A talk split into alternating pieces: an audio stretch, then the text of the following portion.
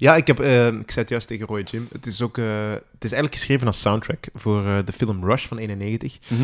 En dat is een soort crimineel drama, een beetje over twee geliefden. Daar komt drugs bij te pas. Dat, eh, ik, ken, ik heb de film zelf niet gezien, maar, ehm, maar ja, dus hij heeft het daarvoor geschreven, maar natuurlijk in zijn achterhoofd speelt dat dra- het drama bij zich thuis Ja, ja. ongelooflijk mee. Mhm.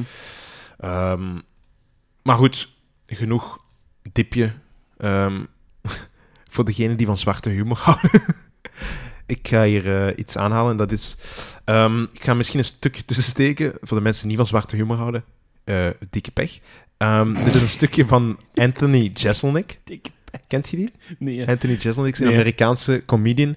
En die zijn shtick is eigenlijk heel grof zijn en superveel zelfvertrouwen uitstralen. Eh, heel korte punchlines, super, super zwarte humor. Ja. En dus nu je de backstory een beetje van dit hebt, eh, ga ik het stukje ertussen steken.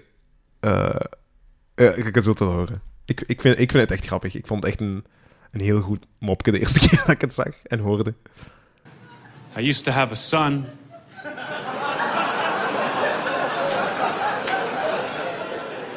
Already, some of you see where this is going. That's good. I used to have a little two year old son, but he died. The same way Eric Clapton's son died. For inspiration.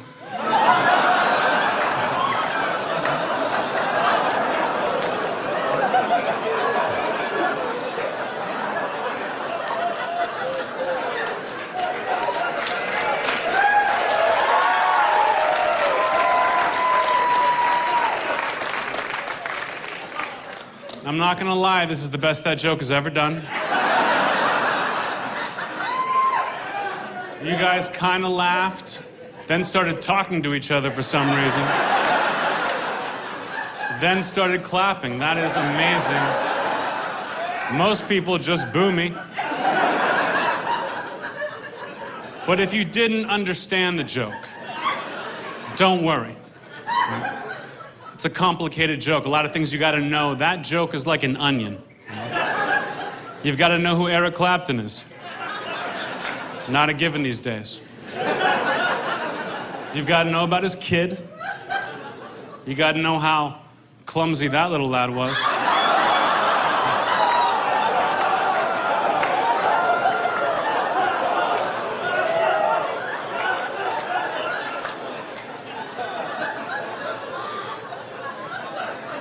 You've got to know about that terrible fucking song. And then you've got to think, all that's funny.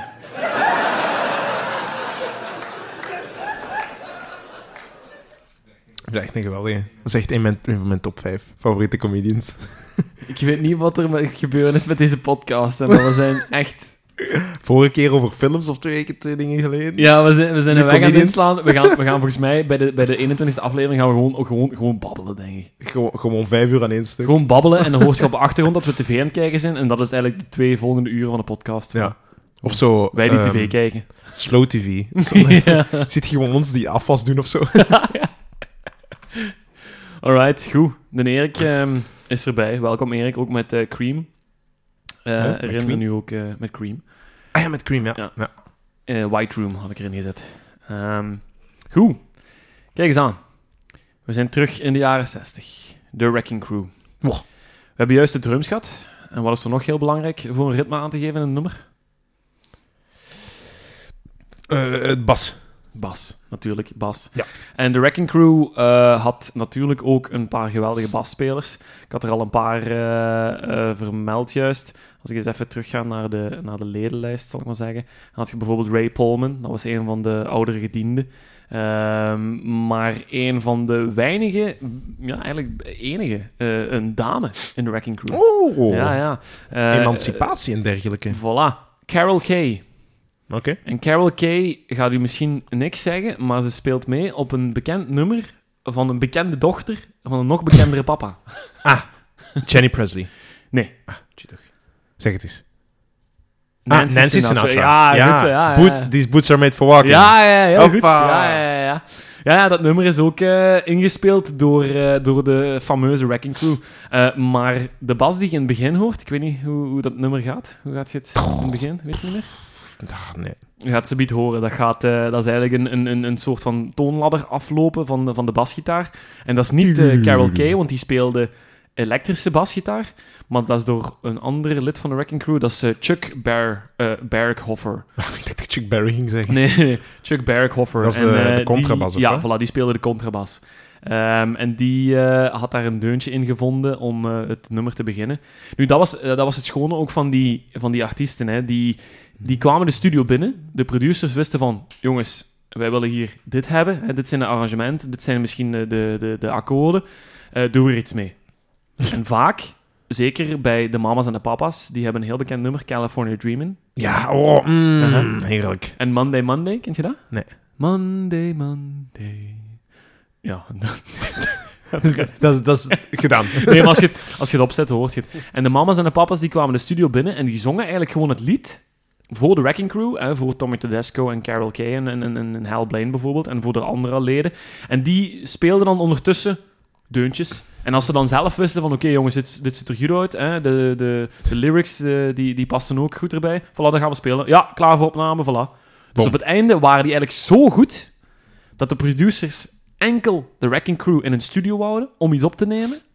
En dat de Wrecking Crew dan ook zelf nog mocht beslissen hoe dat die, hoe dat die nummers eruit zagen. Dus op een gegeven moment begonnen zij ook echt wel meesters over het nummer te worden. Ja, ja, ja, gewoon omdat ze in die tijd waren de beste van de crème de la crème. Ze waren het van het. Ehm, en eh, dat nummer van Nancy Sinatra, dat is, echt, dat is echt een ode, vind ik zelf, aan de basspelers. Gewoon omdat die baslijn, hoe dat die begint, Ik begint. vind dat eigenlijk geen goed nummer. Nee. Ik vind dat Oh. geen goed nummer. En op het einde, hoe dat, Oh. dat nummer dan zo... eh, en dan zegt ze van, let's start walking. En dan begint dat... Nee, nee, nee, nee. Mm. Nee, nee, nee, nee. Dat is niet mijn stijl van muziek. Zo. Ja, nee. Ik vind dat zo'n beetje zo line dancing, zo een beetje zo... uh, Ja, maar ja. Het is een klassieker, hè, daar niet van. Hè. Dat wel, Ik- dat ik- wel, Ik ja. vind het nummer niet zo goed. Nu, het album zelf, eh, want ik heb het album ook geluisterd, Boots, van 1966. Eh, dat was niet zo succesvol. Hè? eh, These Boots Are Made For Walking eh, staat er wel op, maar ze had er ook een paar covers op. Eh, As Ah. Tears Go By eh, staat erop, van Mick Jagger en Keith Richards. Uh-huh. Eh, Daytripper zingt ze daar ook op. Ja. Eh, van de Van Beatles. Beatles? Ja, Ja. van de Beatles. Ehm, ze zingt ook een cover van Ain't Me Baby. Of, eh, sorry, Ain't Me Babe van Bob Dylan. Eh, en ehm, ook nog eh, Run For Your Life. Ook een nummer dat eh, geaccrediteerd is aan Lennon en McCartney. Oké. Maar Beatles Boys. ja, These Boots Are Made For Walking vind ik wel het beste nummer. En ik denk voor het verhaal van de Wrecking Crew door te, door te trekken. Hè, Carol Kay en alle andere basspelers, de Chuck Ber Berghoffers van deze wereld. Je had er weer bijna liggen, hè. Godverdomme. Dit is voor jullie Nancy Sinatra.